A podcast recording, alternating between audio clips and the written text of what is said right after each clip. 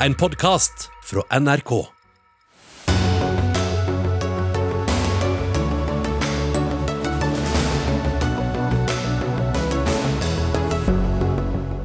Flere norske partier vil eh, hente hjem norske IS-kvinner som ber om hjelp til å få komme til Norge. Grenseløst naivt, sier Frp. Skiforbundet innrømmer omdømmetap eh, som følge av Claes Brede Bråten-saken. Nå kan styret i forbundet få mistillitsforslag mot seg. Oppløs Viken, sier Ap-ordfører. Ikke oppløs Viken, svarer en annen Ap-ordfører. Splittelsen i partiet er klar, men splittelsen av Viken er fortsatt i det blå.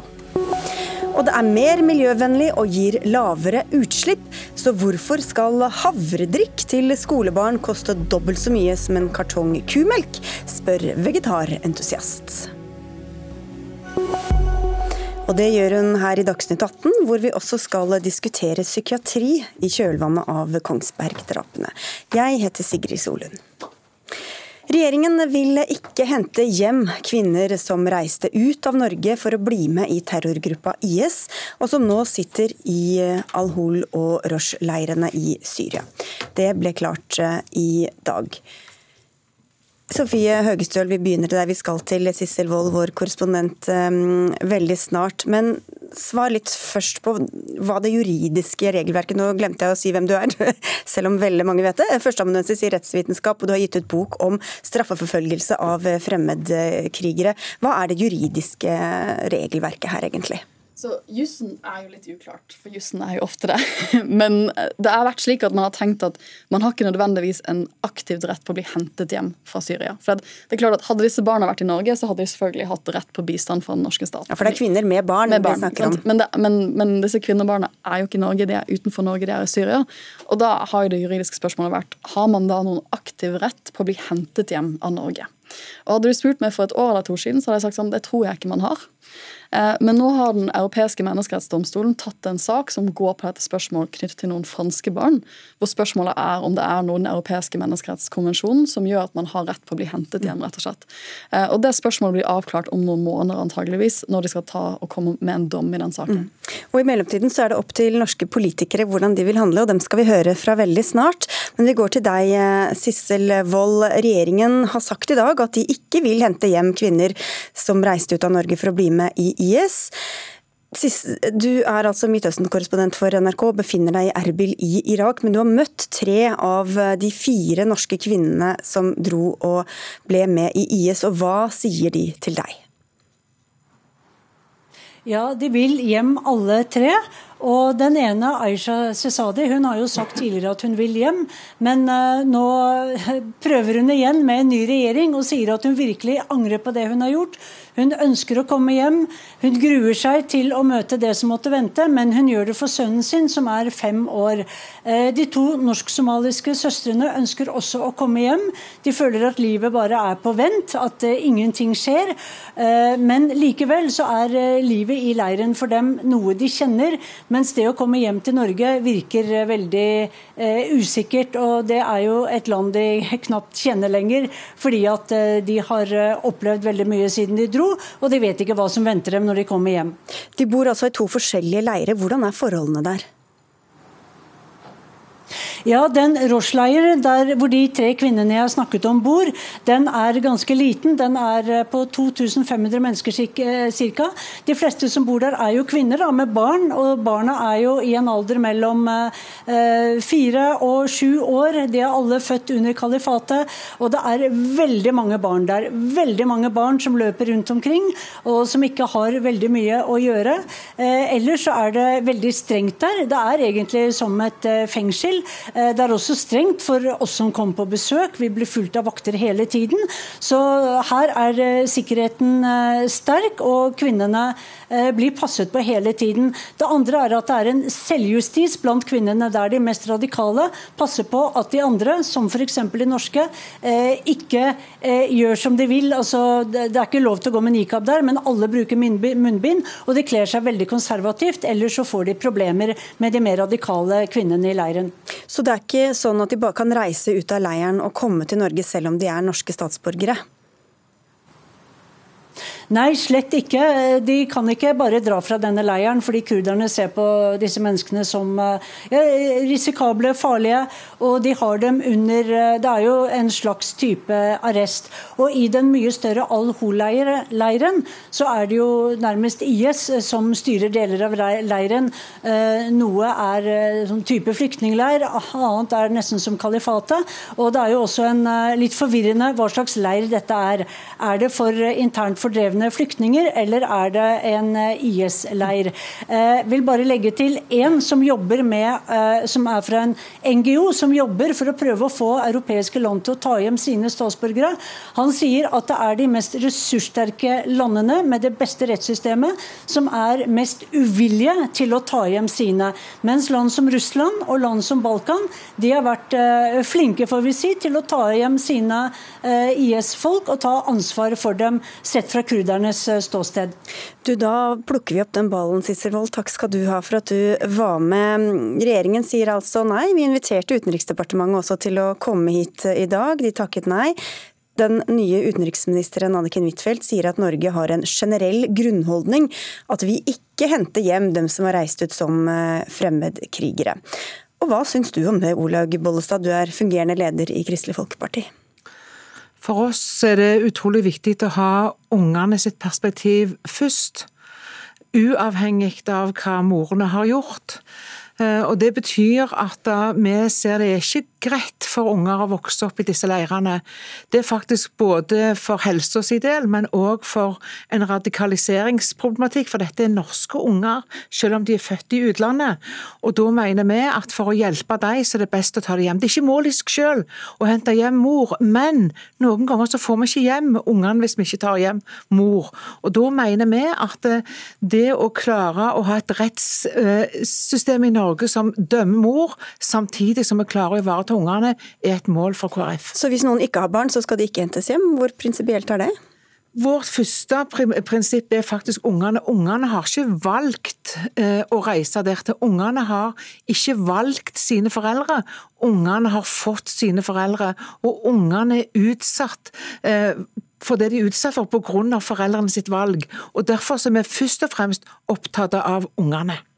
Erlend Wiborg, stortingsrepresentant for Fremskrittspartiet. Dere gikk jo ut dere, av den forrige regjeringa da den ville hente en kvinne, og gjorde det, og hennes syke barn ut fra en av disse leirene. Så da antar jeg du mener at også disse bør bli i Syria? Ja, så absolutt. Det er eh, ikke norske skattebetaleres eh, jobb å hente hjem terrorister, eller hente terrorister tilbake til Norge. Og Nå ser vi også resultatet av eh, den debatten man hadde for noen år siden, da Olaug Bollestad og den daværende regjeringen eh, valgte å hente hjem en IS-terrorist. Hun kom hjem og fikk en latterlig lav dom, som gjorde nå at ikke det var noe avskrekkende effekt i det hele tatt. Hvordan vet du at det har noe med saken å gjøre tatt? Etter, et, etter, den dommen falt, så ser du nå at stadig flere ønsker eksempel nå diskuterer, ønsker å komme tilbake Men Hvordan vet du at det er pga. at den dommen var lav? Nei, Det, er, fall, det, det er ganske åpenbart er en medvirkende årsak her. Men uansett så er dette spørsmålet veldig enkelt for eh, Fremskrittspartiet. Det er ikke, det er ikke norske stats eh, ansvar å hente hjem personer som her frivillig har meldt seg inn og blitt med i en Eh, brutal terrororganisasjon som hadde bedrevet terror, vold, halshugging osv. De har ingenting i Norge å gjøre. Bolstad. Eh, nå er det sånn at Disse ungene har ikke valgt noe som helst. De har blitt med sine foreldre. I likhet med alle andre barn som også blir født inn i familier som kan gjøre hva de vil. Ja, egentlig. Og så er det sånn at Vi har et rettssystem i dette landet, og i det rettssystemet så har jeg tillit. Morene som har reist skal straffes, men ungene har en mulighet til, vi har en mulighet til å hjelpe disse ungene til å vokse opp, lære dem å ta gode valg i livet, sånn at de faktisk har en mulighet, i stedet for at disse ungene vokser opp i en leir og får helt andre verdier til å ta valg på enn det vi kan gi dem i Norge. Vi tar bare det, Viver. Hva med omsorgen for disse barna, da? Norske ja, statsborgere? Ja, hvis eh, disse barna er norske statsborgere, så er de hjertelig velkommen til Norge, og jeg kan gjerne være med på at vi skal hente dem men jeg er ikke med at de skal hentes med mødrene. Så, og For dette er jo da mødre, terrorister, som åpenbart ikke er skikket til å ha omsorgen for barn. Når du da enten tar med deg barna dine eller velger å få barn i, eh, når du lever i, da, i en terrororganisasjon, så er du åpenbart ikke skikket. Og Hvis du da har barnas beste, hvis mødrene tenker på barnas beste, da bør de la norske myndigheter kunne hente de barna, så kan de komme til Norge. Bare for Men høre det. mødrene som er terrorister, har ingenting i Norge. Høgestøl, du skal ikke være med i debatten som sådan, men du er her som forsker. Men hvor Jeg er kan også aktiv i Venstre. bare ja, vi, vi må pleier bare- å si det, du er må- ja. også aktiv i Venstre, men, Men her som forsker. Den, her har du forskerhatten på. Kan mødrene hentes hjem uten Nei, unnskyld, barna hentes hjem uten mødrene? Dette har jo også vært en debatt, og de kollegaene mine som forsker på barnerett, de mener at det er vanskelig. Eh, For det at mm, mødrene har ikke en reell mulighet i den situasjonen de er i nå, til å gi fra seg barna med juridisk samtykke. Eh, Og Det har jo vært litt av problemet i disse sakene. Det ser vi også i Frankrike i andre vestlige land, at det har vært mye lettere å hente ut barn, foreldreløse barn. Eh, Det har vi også gjort, eh, for da har det ikke blitt et spørsmål om mor. Når først mor er i bildet, så er det veldig vanskelig fra et juridisk perspektiv å si at vi kan skille de rettslig. Ta, for da tar vi jo fra mor foreldreretten til barnet, uten at vi har hatt en rettsprosess i det, om, om det er i Norge først. Ja, Viborg, hvordan skal du løse den juridiske knuten? Nei, men Som Austøl selv sier, så er jussen også litt eh, uklar på området. Men eh, her mener vi at Du skal kidnappe hvis- barna, da, mer eller mindre? Nei, men her handler det om hvis mødrene ønsker det beste for sine barn, så bør de være helt klare på at da kan eh, norske myndigheter overta ansvaret. Men hvis de ikke vil det, da? ansvaret. En ting er jo bør, men en annen ting er Ja, hvordan men da er det sånn at uh, norske myndigheter Vi kan ikke gå og ta barna uh, fra noen mot foreldrenes uh, samtykke. Sånn er det. og Det er mange barn over hele verden som eh, vokser opp eh, i familier eh, som ikke er bra, men det er dessverre ikke sånn at Norge kan eh, ta imot alle av den grunn. Og vi, liksom, jeg tror vi glemmer litt, vi snakker ofte om eh, IS mødre osv. Vi snakker her om personer som tilhører en blodig terrororganisasjon, som frivillig har valgt å bli med i den. Altså dette her er liksom, dette handler jo også om sikkerheten til alle oss andre i Norge. Ved å ta de til, aktivt tilbake i Norge, så kan det være med å øke sikkerhetsnivået vi, vi tar for oss alle andre. etterpå litt, men Bollestad, hvorfor er dette så veldig annerledes enn alle andre foreldre som tar skikkelig dårlige valg også på vegne av sine egne barn? Ja, Det er det veldig mange som gjør, og det er jo derfor vi også har et barnevern i vårt eget land. Hvis du tenker for å kunne hjelpe ungene i vårt land. Og så er det sånn at her har vi ikke den muligheten, som blir sagt på sida her, til å ta ungene ifra. Og da blir spørsmålet, hvis vi har ungene først, så velger vi ungene, og så må vi faktisk ta med mor for å klare å hjelpe ungene. Og så må vi stole på norsk rettsvesen, at de dømmer mor ut ifra det hun har gjort. Fordi vi har ungene over oss.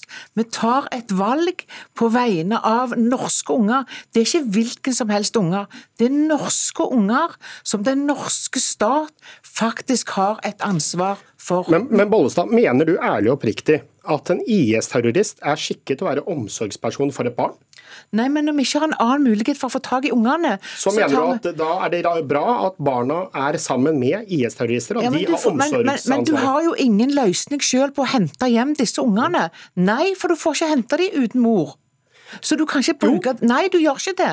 det. Det betyr at skal vi hjelpe disse ungene som vi mener ikke har det bra med å være der de er, så må vi faktisk ta med mor og dømme mor etter de prinsippene vi har i vårt eget land, for å hjelpe ungene. Ikke for noe annet enn å hjelpe ungene. Jeg velger å sette u, altså uskyldige unger foran dette, fordi de har en rett til at vi hjelper dem. Det er mulig å hjelpe ungene. Men så kommer det andre hvor- spørsmål. Det andre, la, meg full, la meg ikke avbryt nå. Eh, Det som da er neste spørsmål til deg, det er hva tenker du om sikkerhetsutfordringen ved at vi skal hente personer som frivillig har vært eh, Vi snakker her om noen av de mest radikale menneskene.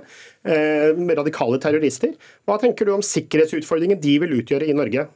Jeg tenker at vi har et rettsvesen og et sikkerhetssystem bedre enn mange andre til å kunne hjelpe ungene og straffe mødrene. Men du har ingen løsning. fengsel du har ingen du, det Og så oppfølging forhåpentlig etter det, da. Men Wiborg, du sa vel både at man skulle hente barna, men også at man ikke skulle hente barna, Mm. eller? Ja, jeg sier her at eh, Hvis det er mulig her at mødrene da ønsker det beste for sine barn, Ja. så bør de kunne Og hvis ikke, så skal man la dem få bli. Ja, for Ja. det er ikke sånn at Norge kan reise rundt i verden og hente eh, alle barn eh, som har utfordringer, dessverre. Sofie Høgestøl, vi har jo en, det er jo en kvinne som er blitt dømt. Hun fikk hva var det, tre år og seks måneder. De er jo ikke aktive krigere ofte.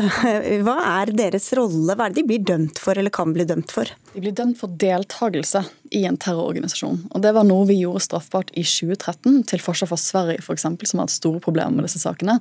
Men vi gjorde deltakelse straffbart. Og deltakelse har Høyesterett sagt at det er å gi aktive bidrag til å opprettholde en terrororganisasjon.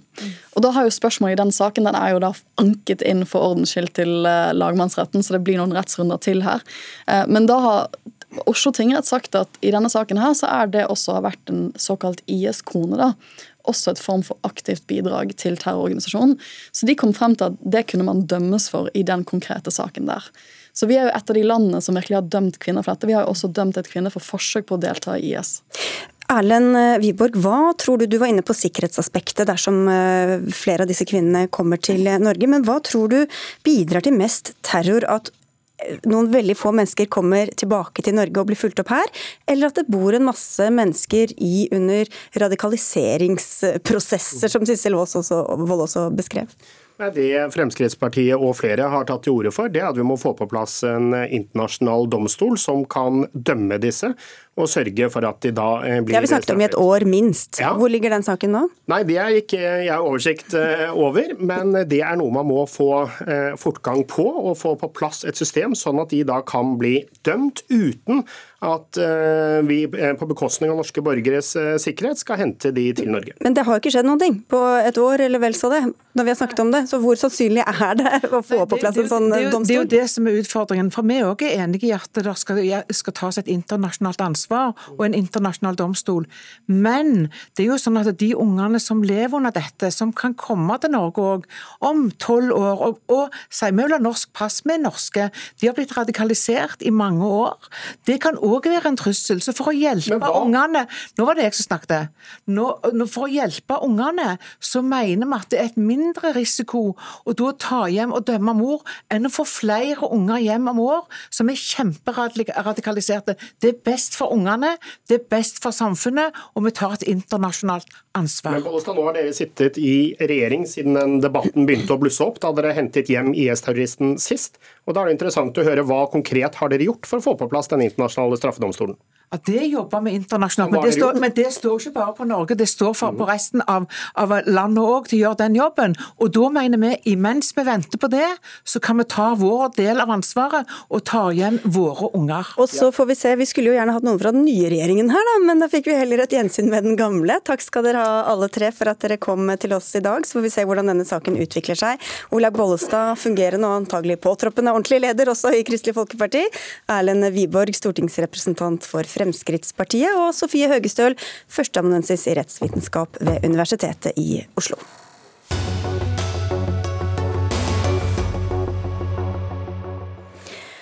Skipresident Erik Røste og styret hans kan få et mistillitsforslag i fanget om ikke lenge. Bakgrunnen er den betente konflikten mellom hoppsjef Claes Brede Bråten og Norges Skiforbund. Bråten har vært sportssjef for hopplandslaget i 17 år, men får ikke fornyet kontrakten. Om to dager skal kretsstyret i Akershus avgjøre om skikretsen stiller mistillitsforslag eller ikke i saken. Erik Brun, du er styremedlem i eh, Norges Skiforbund og er her fordi eh, skipresident Røste er opptatt med andre ting enn eh, Dagsnytt 18 i kveld. Ledelsen har holdt en lav profil etter at denne saken ble kjent, og også fått kritikk for det. Nå tar du bladet fra munnen, og takk for det at du er her. Hvorfor velger dere å gå ut og kommentere nå? Ja, det, Du har helt rett. Jeg har ingen tvil om at dette har vært en utrolig vanskelig sak for alle. For Skiforbundet, for oss i styret og hoppkomité, og for alle som er glad i hoppsporten og skisport i det hele tatt. Eh, det her har jo vært en personalsak. og I en personalsak så er arbeidslivets regler sånn at det er veldig begrensa hva en arbeidsgiver kan gjøre i media og gå ut offentlig når det gjelder konkrete fakta og hva man bygger saken på. Derfor har Skiforbundet holdt en veldig lav profil. Nå har den profilen eh, nok blitt virker enda litt lavere på folk, fordi at man har en motpart og støttespillere til Klass Bredde Bråten som har vært alt annet enn lavmælt. Veldig høymælt. Som har gjort at også initiativ fra forbundets side har drukna litt i hele greia. Men hva om noe mener du er feil eller misvisende i det bildet som er skapt uh, om saken, da? Eh, det som er misvisende, det er at hittil så er det kun eh, fakta og påstander fra den ene sida som er kommet frem i media, i all hovedsak. Det er, av det som har kommet frem, så er 99% fra den andre sida av Skiforbundet, hvis jeg kan bruke det uttrykket. Hva er deres alternative fakta, for å si det sånn? Nei, det er ikke alternative fakta, det er fakta, det vi har. Men det er fakta som vi ikke kan gå ut og prosedere på, og kan ikke gå ut i media med. Men hva tror du denne saken har gjort da, med folks syn på dere og på forbundet? Ja, Det er jo lett å svare på. Eh, det her er ikke noe bra for Skiforbundet i det hele tatt. Det her er en klar omdømmesvikt. Eh, det har vært tungt. Det har vært tungt for eh, de ansatte i Skiforbundet. Det har vært tungt for de som er i hopp, også de andre grenene, tungt for skisere, tungt for alle. Og tungt for alle som er glad i skisporten. Omdømmet er på bunn. Men jeg vet også at eh, folk er så glad i skisport at eh, det kan fort gå oppover igjen også. Vi får se. Vi dveler litt ved elendigheten først. Dag Helland Hansen, du er leder for langrennskomiteen i Akershus. Det murrer ikke bare i hoppmiljøet, for også langrennskomiteen i Akershus, som du altså leder, vil ha et ekstraordinært skiting for å fremme mistillit mot det sittende styret. Hvorfor eh, det? Det, det er grunner til eh, fordi vi har eh, fått fra Det startet på tinget vårt at klubbene tok opp at de ønsket at Akershus tok en stilling til denne saken. Og det har vært behandlet i styret i Akershus, og vi endte med å sende et brev til skistyret i første omgang og be dem ordne opp på dette, fordi det går utover omdømmet. Og så har vi opplevd at det ikke har blitt noe bedre gjennom sommeren. Det er faktisk eh, blitt verre. Og vi opplever nok at uh, partene har gravd seg skyttergravstillinger. Vi har jo dette bare fra media. Vi, vi, opplever at det ikke er god informasjonsflyt til oss i tillitsmannsvervet om hvordan saken egentlig står. Eh, og når dette saken da eskalerte for et par uker siden med noen ting som ble lagt fram i media, så begynte klubber i kretsen eh, å ringe til meg og si at nå er det nok. Nå ønsker vi at uh, dere tar tak i det. Mm. Så hadde jeg et langrennskomitémøte i forrige uke hvor jeg bare skulle orientere om saken. Som endte med at uh, hele langrennskomiteen ønsket at vi uh, tok opp i styret i Akershus at vi måtte vurdere et mistillitsforslag. Det er der vi er, og det er det som kom fram i media, i og med at det ligger som en offentlig dokument. Så skal den saken diskuteres i skistyret i Akershus på onsdag, så vi vet jo ikke om hvor vi går hen, men eh, det er en mulighet, ja. Mm. Erik Brun, hvorfor, hvordan har det gått så langt at det altså har kommet til et mulig mistillitsforslag? Jeg hører det Dag Helland Hansen sier om at kretsleddet føler seg dårlig informert. og jeg, jeg, jeg, kan forstå det. Eh, det her har vært veldig vanskelig. Eh, Skiforbundet sentralt eh, det er en ganske liten organisasjon. Vi har ikke en kommunikasjonsavdeling på 80 mann. Noen, du kan telle dem på ei hånd. Og, da, og det er også, selv om det mangler noen fingre, så, så trenger du ikke mer enn ei hånd. Vi har blitt bombardert fra alle kanter. Og det har vært veldig vanskelig. Og vi, jeg tar det til meg, det han sier om at det har vært litt for dårlig eh, informasjon til kretser. Vi skal til en av dem, jeg vet ikke om det er blant dem du mener er høy, høylytte her, men Knut Tore Meiner, du er initiativtaker for Facebook-siden Støtte for Klas Brede Bråten. Hva sier du til dette mulige mistillitsforslaget under oppseiling? Jeg tror ikke jeg skal um, blande for mye inn i ren idrettspolitikk. Eh, da vi lagde denne Facebook-gruppa som heter Støtte for Klas Brede Bråten i slutten av august, så var det liksom av kjærlighet til idrett og til hoppsport. Eh, og måtte la folk få en kanal hvor de kunne få ventilere seg. Eh, og det har han da til de grader gjort. Jeg fikk akkurat mellom året 40 536 mennesker som aktivt meldte seg inn. Og den gruppa består av eh, jeg vil si tverrsnitt i Norge. Alt fra rockepoeter til professorer. altså Det er hele, hele spekteret. Vi er jo da først og fremst lei oss for at Claes Brede ikke får lov til å fortsette med den jobben. At norsk hoppsport lider. At norsk skisport har sviktende omdømme. Og at veldig mange millioner kroner går til å betale overbetalte advokater på Aker Brygge, i stedet for et aktivitet ute. Men dere, som vi hørte her, har jo fått én side av saken og mange ting dere kanskje ikke veit. Hvorfor tror dere at dere har god oversikt over hva som faktisk har skjedd, og hva som er årsakene bak denne, ikke oppsigelsen, men ikke forlengelsen? Etter noen og 20 år som journalist, som jeg var i mitt forrige yrkesliv, så har jeg lært meg å gjøre god research. Det var det første jeg gjorde da jeg startet gruppa, var for det første å ta en, en prat med Klas Brede Bråten og spørre Klas Brede Bråten, har du vært i minibaren på Terro og tømt den? Har du betalt regninger med penger som ikke tilhører deg? Eller har du vært i seng med noen du ikke har vært i seng med? Det er de tre grunner du mener nei, nei, nei, nei, det var, det var der jeg starta. som gammel journalist så har jeg jo også en masse research. Jeg har også hatt tilgang til å se dette såkalte dokumentet som NRKs, NRKs eh, advokater har brukt som grunnlag for oppsigelsessaken. Eh, nå er jeg ingen jurist, som, som Brun her er, men jeg greier ikke å se at de har noen sak, sånn, i hvert fall klar juridisk sak. men kan du forklare Brun, hva som ligger bak av det du kan ja, da, si? da? Det dokumentet du nevner, det var jo et dokument som ble utarbeidet helt innledningsvis i saken, som bare viser en liten del av det, av det argumentasjonsgrunnlaget Skiforbundet har. Dette hadde vi ikke gjort hvis ikke vi mente å ha et solid juridisk grunnlag for det vi gjør. Men du kan ikke si noe mer om hva det juridiske grunnlaget er? Dessverre. Og Helland Hansen, hvor mye trenger du å vite egentlig for å stole på at styret veit hva de holder på med? Uh godt spørsmål hvor, hvor, mye vi trenger å vite. Det, det, vi opplever og det som er problemet vårt, er ikke egentlig altså det, er, det er jo ikke personalsaken vi er opptatt av. Vi er jo opptatt av problemet, det omdømmeproblemet det har gitt oss. Og det vi opplever ute, hvor uh, faktisk tillitsvalgte er flau over å representere Skiforbundet. Vi opplever at folk vurderer å bare hoppe over til skiskyting for å slippe å være assosiert med det. Det er det som er problemet vårt.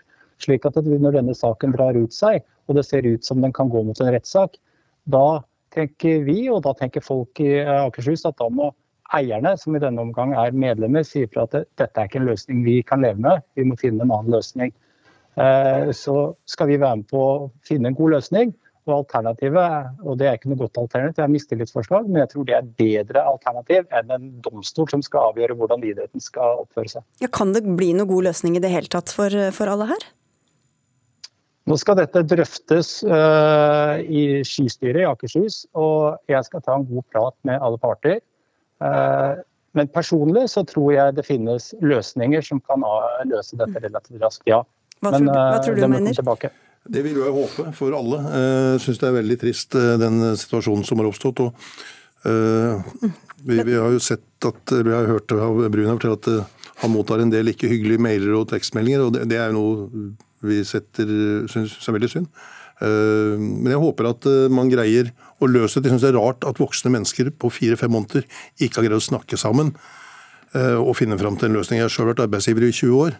Og jeg har aldri vært i en sånn situasjon. Jeg har hatt mye raringer ansatt. Dere er jo fortsatt oppi det, Brun, men hva kunne dere gjort annerledes, tror du? Mm -hmm. Vet du, det ser jeg meg i speilet hver kveld og så tenker jeg, Erik, hva kunne du gjort annerledes her? Hva burde vi gjort annerledes? Jeg, jeg har ingen klare svar per nå. Dag Helland Hansen er inne på det med informasjon. Det hjelper bare et stykke på vei, så lenge du ikke kan virkelig gå ned i grunnfjellet og hva saken handler om.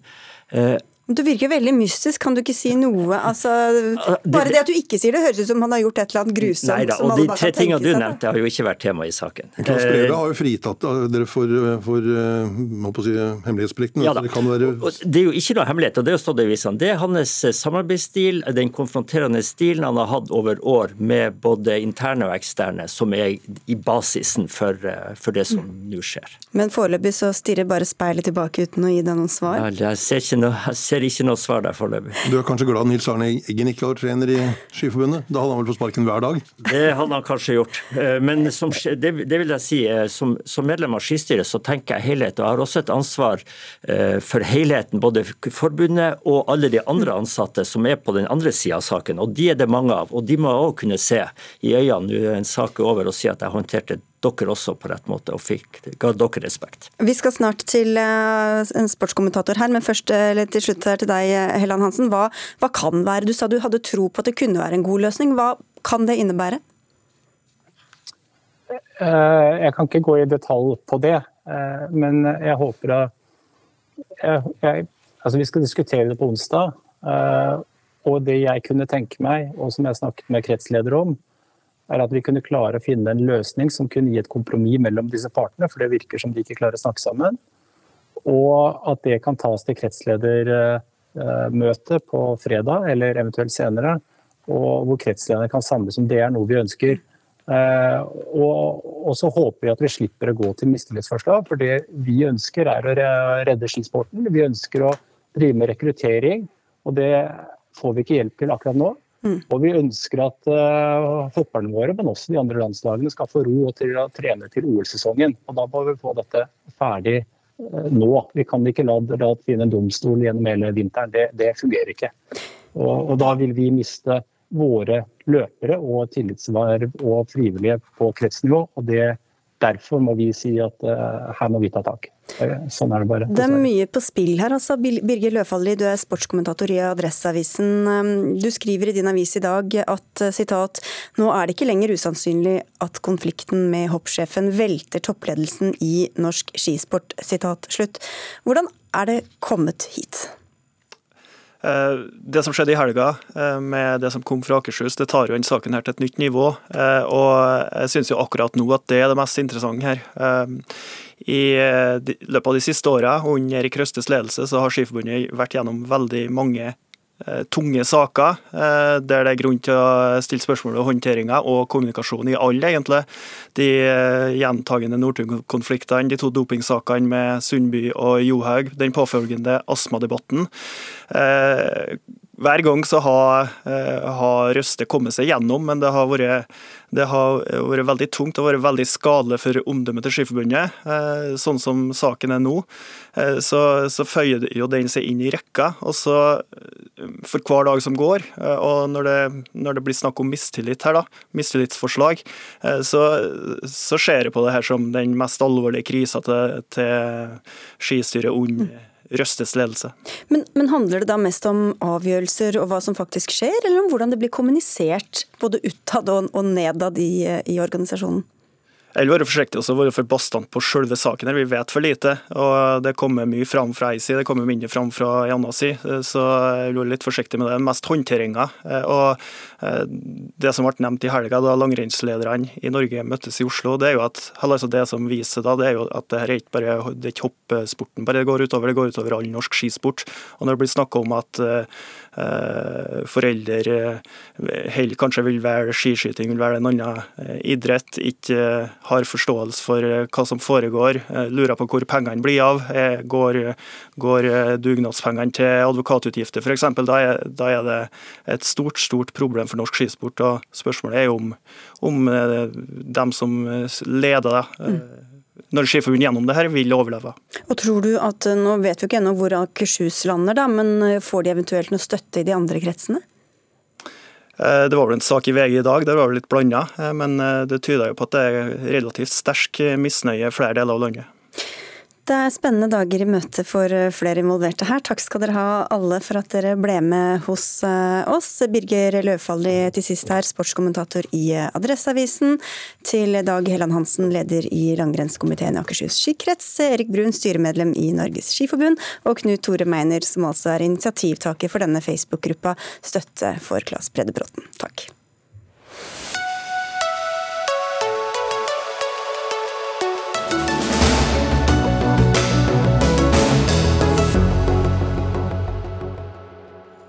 Kjølvannet av drapene på Kongsberg har mange spurt seg hvordan dette kunne skje, og hvem som er ansvarlig for at det gikk så langt at en person drepte fem mennesker i forrige uke.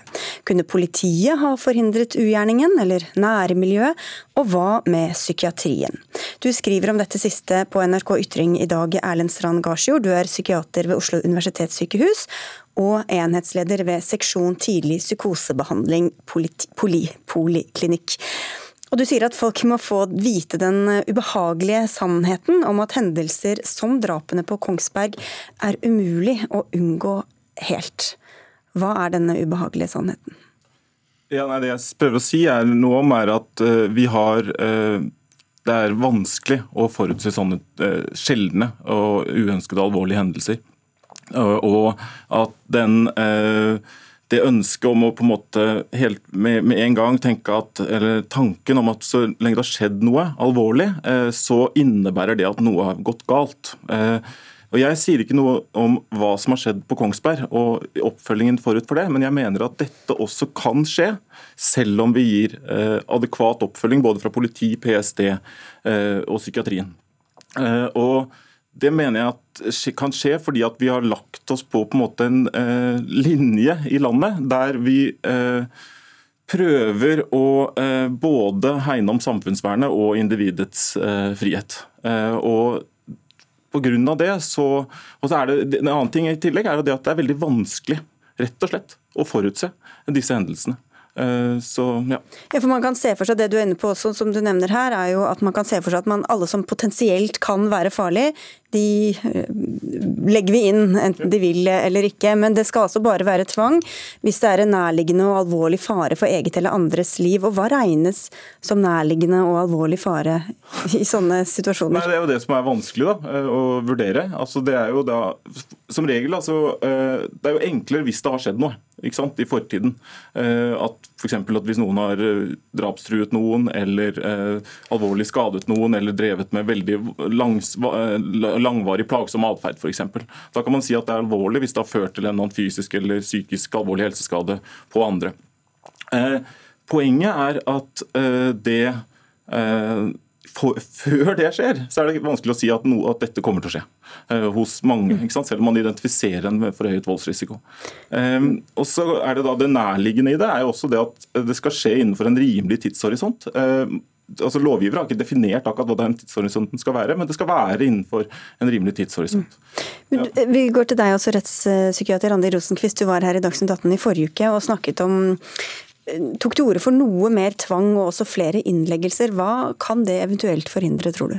Jeg er jo helt enig med Garsjur at vi kan ikke forhindre alle voldelige saker.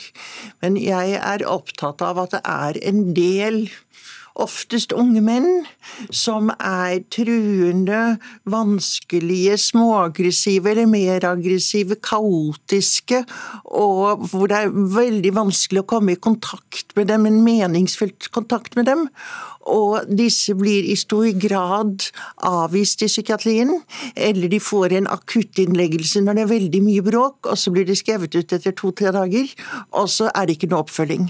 Og jeg har sett fra fengsler, så har det jo vært forferdelig vanskelig å få disse syke menneskene inn i psykiatrien, men jeg ser hvor bra de kan bli hvis de får adekvat behandling.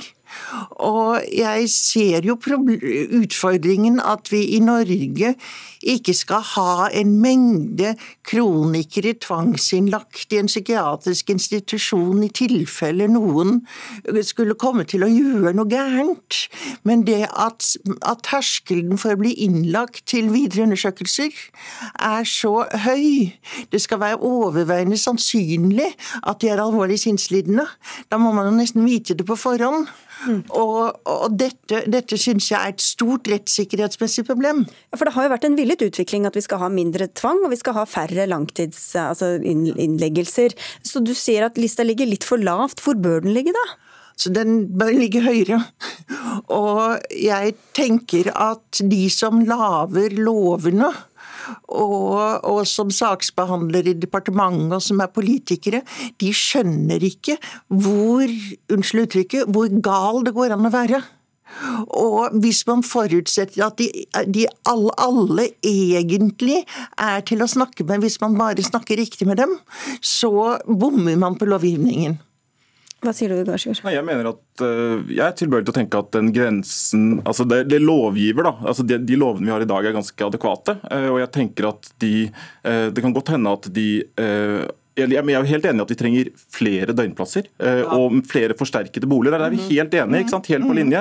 Men jeg mener faktisk at det lovverket som ligger til grunn i dag, er adekvat og basert på fornuftige avveininger eh, mellom eh, individets frihet og samfunnsvernet. Og jeg tenker at Politikerne det er det jeg kunne ønske meg, at de også kan på en måte si at med litt med stolthet men vet du hva, vi, jeg mener at vi har gjort noen fornuftige avveininger her, og så og likevel så skjer det uønskede ting, mm. og, og, ikke nødvendigvis begynne med en gang at vi skal peke på ansvar med en gang. Jeg tenker at Det er en uheldig eh, fordi det, fordi det også skaper en eller annen forventning i befolkningen om at så lenge det har skjedd noe galt, eh, eller noe alvorlig, så har det skjedd noe galt. At da må vi finne, må vi finne en eller annen ansvar. Ja. Men, men Rosenquist, også for en som er veldig syk, så vil det vel virke um, altså forferdelig invaderende og, og grusomt å, å bli tvangsinnlagt, f.eks.?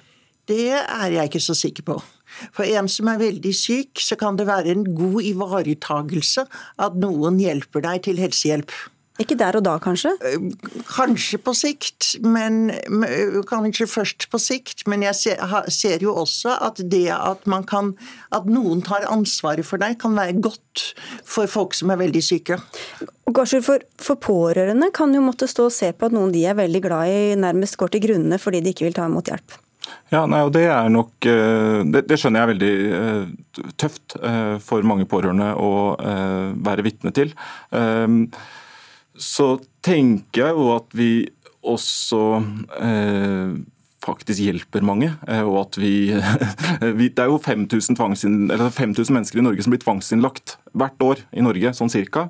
Eh, ca. 7000-8000 innleggelser på tvang. Så det er jo ikke sånn at vi ikke griper inn. Eh, det er viktig å huske på. Eh, jeg er enig i det. Og det er jo mange som blir lagt inn, og lovverket er til å leve med, selv om jeg skulle ønske at det var en lavere terskel for å bli lagt inn til videre undersøkelse. Men det som jo er den store mangelen, det er jo sykehuskapasitet.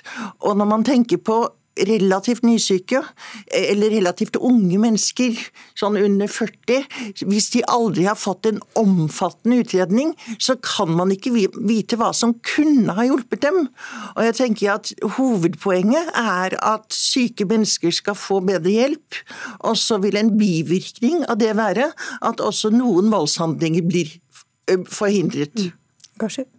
Ja, det er jeg jo eh, for så vidt eh, enig i. og jeg tenker at vi skal ha, Det er viktig at vi forsøker å gi alle god behandling. Jeg tenker kanskje at, eh, at vi må de som er, særlig de som er nysyke da, og tidlig i forløpet, bør, bør, få lengre utredningsopphold. Ikke nødvendigvis for utredning, men for behandling. Jeg tenker at Utredningene ikke nødvendigvis trenger å være så tidkrevende, men behandlingen er på en måte ofte tidkrevende.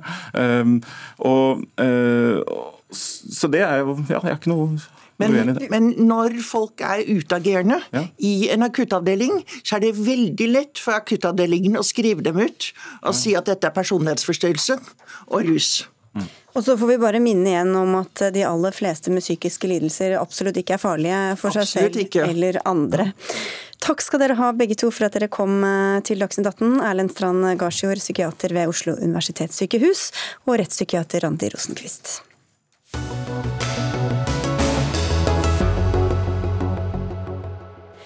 Skal Viken oppløses, eller skal det forbli som det er i dag? Altså et fylke bestående av eh, Østfold, eh, Akershus og Buskerud, er det vel? Forsvant herfra.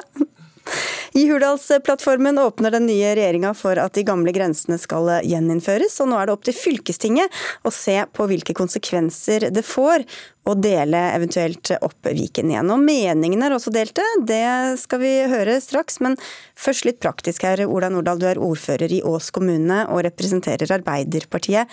Hva har det kostet av tid og penger og ressurser å opprette Viken, og så eventuelt hva det kan komme å koste å oppløse det igjen? Jeg tror kanskje den største kostnaden har vært for alle de ansatte, som har måttet omstille seg og leve i stor usikkerhet. Det er 12 eh, 000 ansatte i, Viken. Og, det er en stor organisasjon som har vært gjennom store endringer. Akkurat kostnadsmessig så, så har de lagt ut 330 millioner, og så kommer tida til de ansatte i tillegg. Så det er ganske stor investering som er gjort for å bygge den nye organisasjonen. Så du vil heller nå rett og slett bare beholde det som det er. Hvorfor det?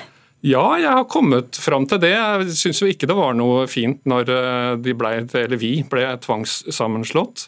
Men eh, så har jeg sett det at det, å starte en ny prosess nå med å rive dette ned igjen, det vil være en stor kostnad en gang til. Og nå er det bedre å la den fylkeskommunen fokusere på de viktige tjenestene de skal tilby, og slippe å holde på med innadvendte prosesser. Vi har invitert eh, kommunalministeren også, men de glimrer foreløpig med sitt fravær, disse nye statsrådene. Mona Wauer, du er ordfører i Hvaler kommune, og også fra Arbeiderpartiet. Du sier til VG i dag at du har fått nok, og at du er veldig for en oppløsning. Hvor er du uenig med din partikamerat her? Jeg er jo uenig fordi at vi ser konsekvensene og vi opplever det på kroppen. Eh, vi som er ute i kommunene, som trenger tjenester, som trenger vei og som trenger folkehelse og de virkemidlene for at innbyggerne skal ha gode tilbud. Eh, og Der eh, ser vi at vi ikke får noe bedre tilbud med Viken, tvert imot. Så vi er veldig skuffa over det. og jeg tenker at Det handler ikke om å rive ned Viken, men det handler om å gå tilbake igjen til eh, Østfold fylkeskommune og, og de gode tjenestene som, som, vi hadde. Så dere hadde, fått, dere hadde bedre tjenester før enn det dere har nå? Vi hadde iallfall eh, mye lettere tilgang eh, på tjenestene og kortere vei til, eh, til vedtakene. Eh, sånn at det var lettere å på en måte være med på å bestemme hvordan eh, fylket skulle styres og hvor midlene skulle brukes. Hva sier du til det, Nordahl? Hva er din erfaring der?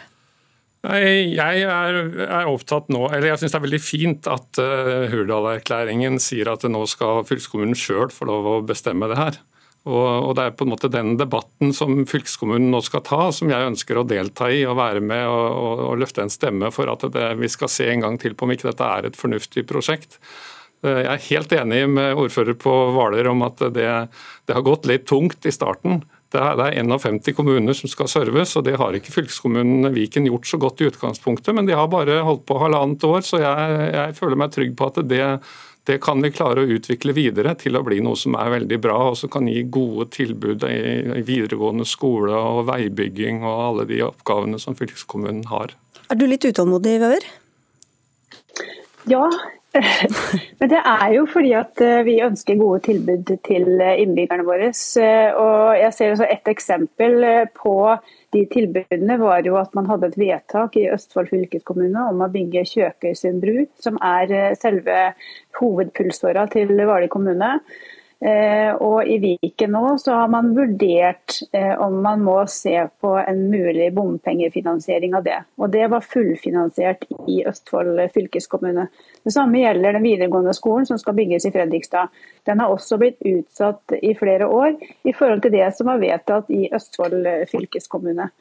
Så Det er helt klart at uh, vi ser en negativ endring som følge av Viken. Um, Men Tror du ikke det kunne gått seg til litt, da, når man fikk litt uh, bedre tid til å bli kjent både med hverandre og med systemene? Ja, Hvor lenge skal vi la ting gå seg til, når vi vet at det var noe som fungerte bra tidligere? Og Dessuten så koster det mye å videreføre Viken også, med to eh, politiske nivåer og administrasjoner. To fylkeshus. Det koster mye å være stor. Det betyr lengre avstander, mer byråkrati. Eh, og vi har mer lyst til å bruke alle midlene på tjenester ut til innbyggerne. Og at vi er nærmere der hvor innbyggerne er og trenger mm. tjenestene sine. Nordahl?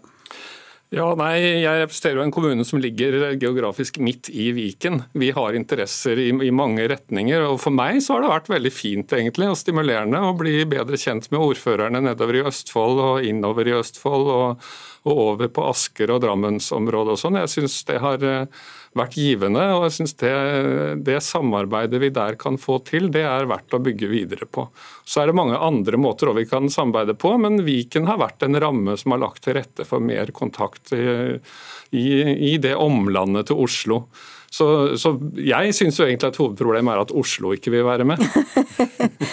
Skal ikke si et ord om det. Men Viken er jo langt fra det største fylket i, i landet. Vauer, hvorfor er det ikke mulig for en politiker å skaffe seg bedre oversikt over et område som det vel bare tar en skal vi si, fem timers tid å kjøre gjennom? Ja, Det er jo fra Halden til Hardangervidda. da.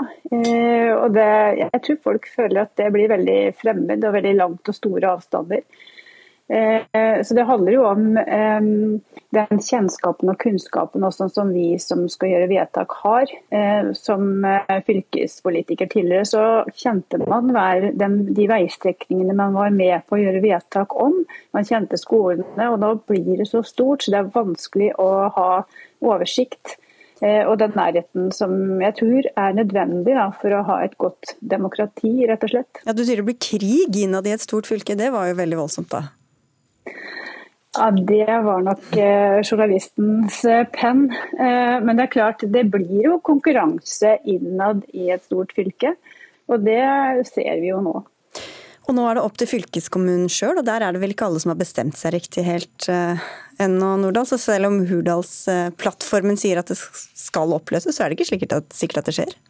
Nei, det er ikke det. Og, og Hurdalsplattformen sier først og fremst at fylkeskommunen nå skal eh, se på saken og beslutt, ta en beslutning sjøl. Det kommer fylkeskommunen til å gjøre raskt. De har satt i gang en prosess og er i gang med utredninger. De har varsla at vi i kommunene skal bli hørt. Det syns jeg er veldig bra og kommunestyrene skal få gi sine innspill. Og så får vi forhåpentligvis et godt kunnskapsgrunnlag som gjør at eh, fylkespolitikerne våre kan ta en en god beslutning. og Jeg håper jo da at retningen på den blir at man fokuserer på tjenestene. Det er 40 000 videregående elever som skal ha skoletilbud. Det er masse viktige tiltak på klimapolitikken som, som fylkeskommunen vil ha en viktig rolle på. Jeg håper jo da at utfallet blir at Viken består. Det blir spennende. Vi får se. Takk skal dere ha begge to. Ola Nordahl, ordfører i Ås kommune fra Arbeiderpartiet, og Mona Wauer, eh, ordfører i Hvaler kommune, også fra Arbeiderpartiet.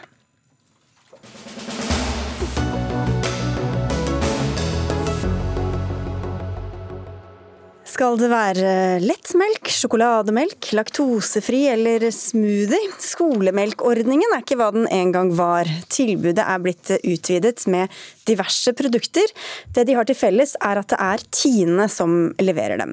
Men i et debattinnlegg i Aftenposten får Tine kritikk for hvilke produkter de løfter fram og prisen de setter. Og da er det særlig havremelken du er opptatt av, Hanne Lene Dahlgren. Du er vegetarentusiast og også kokebokforfatter forfatter. Hvorfor ønsker du at flere, også da skolebarn, skal få øynene opp for havremelk? Altså, først og fremst så vil jeg si at ikke jeg er imot meieriprodukter på noe vis. og I løpet av en måned så får jeg også i meg noen meieriprodukter. Men når det gjelder i skolen, så tenker jeg det at vi har muligheten til å sette og påvirke barna. Og jeg mener at når Tine har fått sluppet inn til min seks år gamle sønn, som begynte i første klasse nå, og ha ansvaret for hva de tilbyr av drikke så tidlig i livet, og hver eneste dag, så mener jeg at vi må se på hvilke andre alternativer finnes som både er mer bærekraftige, og som kanskje flere også ønsker seg. Og når denne havredrikken som da Tine har der, koster dobbelt så mye som det deres kjerneprodukt kumelken gjør, så synes jeg ikke helt at de er sitt ansvar verdig. Jeg synes rett og slett at min sønn, når han kommer hjem og sier kan du bestille havremelk, så bør det ikke være at jeg må ha en ganske stor lommebok for å kunne ta det valget, når vi vet at havremelk er en del av fremtidens mye mer bærekraftig produkt enn det kumelken klarer å være. Og For alle som ikke har prisen helt under huden, hva koster ja. det for, eh, for, kumelk versus havremelk eller havredrikk da, i ja. skolen? Eh, per dag eh, så koster det rundt seks kroner for et, et 250 ml, altså et glass da, med kumelk. Og så koster det rundt 13 kroner for en havremelk. Og literprisen på havremelk da, som man kan sammenligne med den den man kjøper hjemme, blir da 53 kroner. Og Det er ganske mye større enn det du får kjøpt Tines eh, havremelk for i butikken, som er eh, i underkant av 30. Så de har et mye større påslag der også. Det er faktisk 80% påslag fra skolemelkprisen til det du, nei, fra butikkprisen mm. til det du får i, skolemelken. Og Det syns jeg er rart. Hvorfor skal barna våre måtte betale 30 13 kroner dagen for et glass med havremelk. Ole Martin Bune, kommunikasjonsdirektør i Tine. Hvorfor skal det være så dyrt å velge vegetarisk? Nei, eh, Det handler rett og slett om volum. Vi er veldig, Tine er veldig god på melk, og vi produserer og selger mye melk. Eh, så Derfor så har det stordriftsfordeler på det. Vi har satsa for noen år siden på plantebasert, på havre. Eh, havredrikk. Og har ikke lykkes i stor nok grad med det, men vi har det i skolen og vi har det i butikk. Men vi har ikke samme fordeler på pris på det. Så det koster rett og slett mer å lage mindre. Eh, det er det enkle svaret på. Dere er ikke like sponsa på havredrikken som på kumelken? Eh, nei, hvis du tenker på subsidier, så er det, det er andre subsidier på kumelk enn på havredrikk. Det, det, er riktig. Så det er, er, det dyrere for dere å lage den, da? Er det sånn jeg forstår det? Ja, absolutt. Og det, det handler rett og slett om, om dette med volum. Ja, det det er eh, mye billigere å lage det det er mye av? Ja, og det lurer jeg litt på. fordi at, eh, For det første kan vi selvfølgelig diskutere hva er egentlig havremelk. Og havremelk, det, For mange tror jeg at det er litt sånn mystisk rar ting. Det er egentlig bare en tynn havregrøt. Dette er havre og vann med en liten prosess rundt. Eh, og Hvis vi ser på hvor mye havre som går til for å lage én liter havremelk, så er det en tredjedel av den mengden korn vi trenger for å lage én liter kumelk gjennom fôret til kua. Og Da syns jeg det er veldig rart at Tine ikke klarer i sin verdikjede å lage havremelk billigere.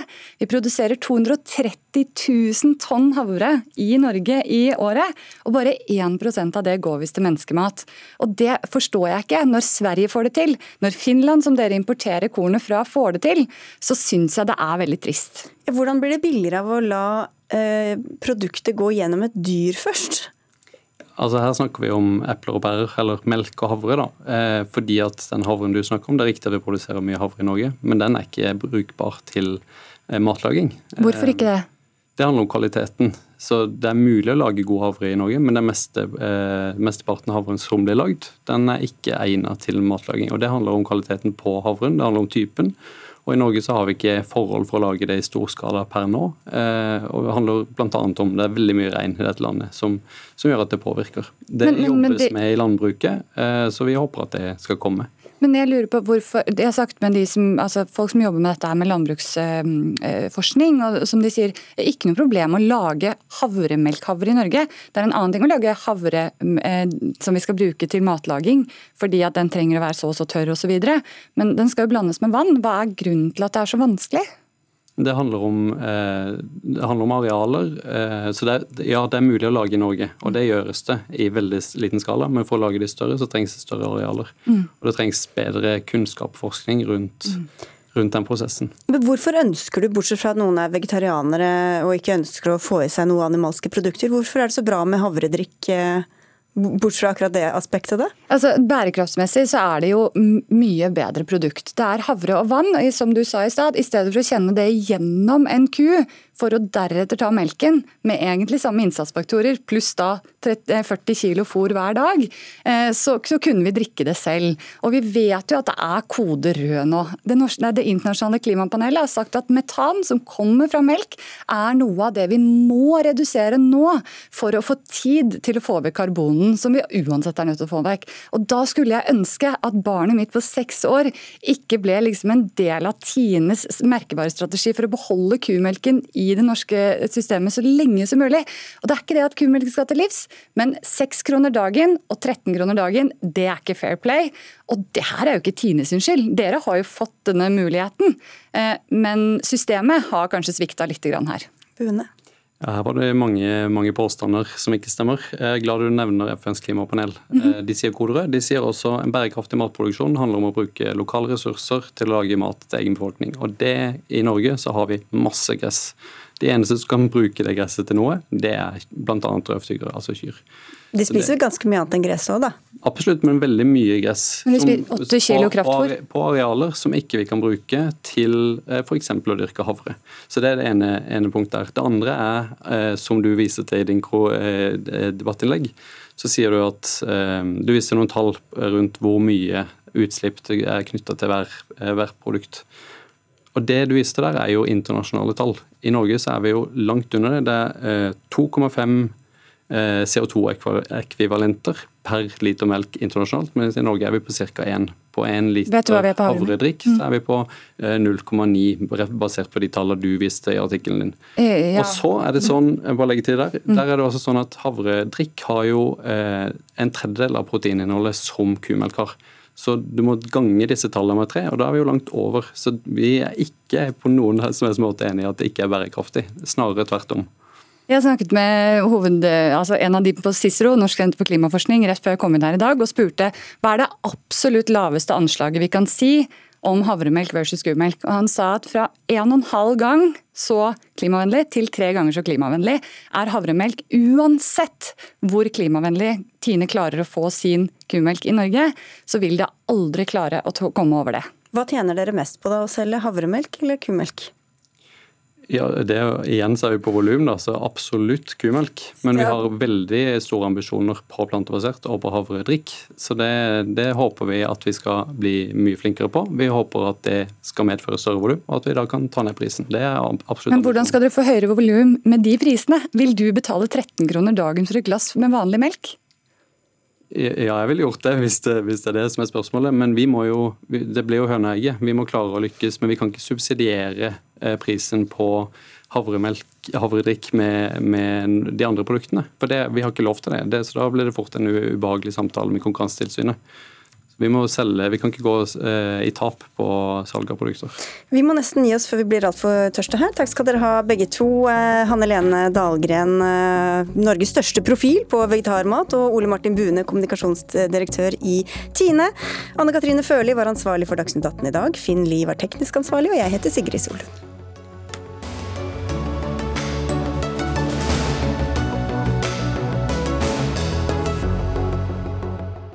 Du har hørt en podkast fra NRK.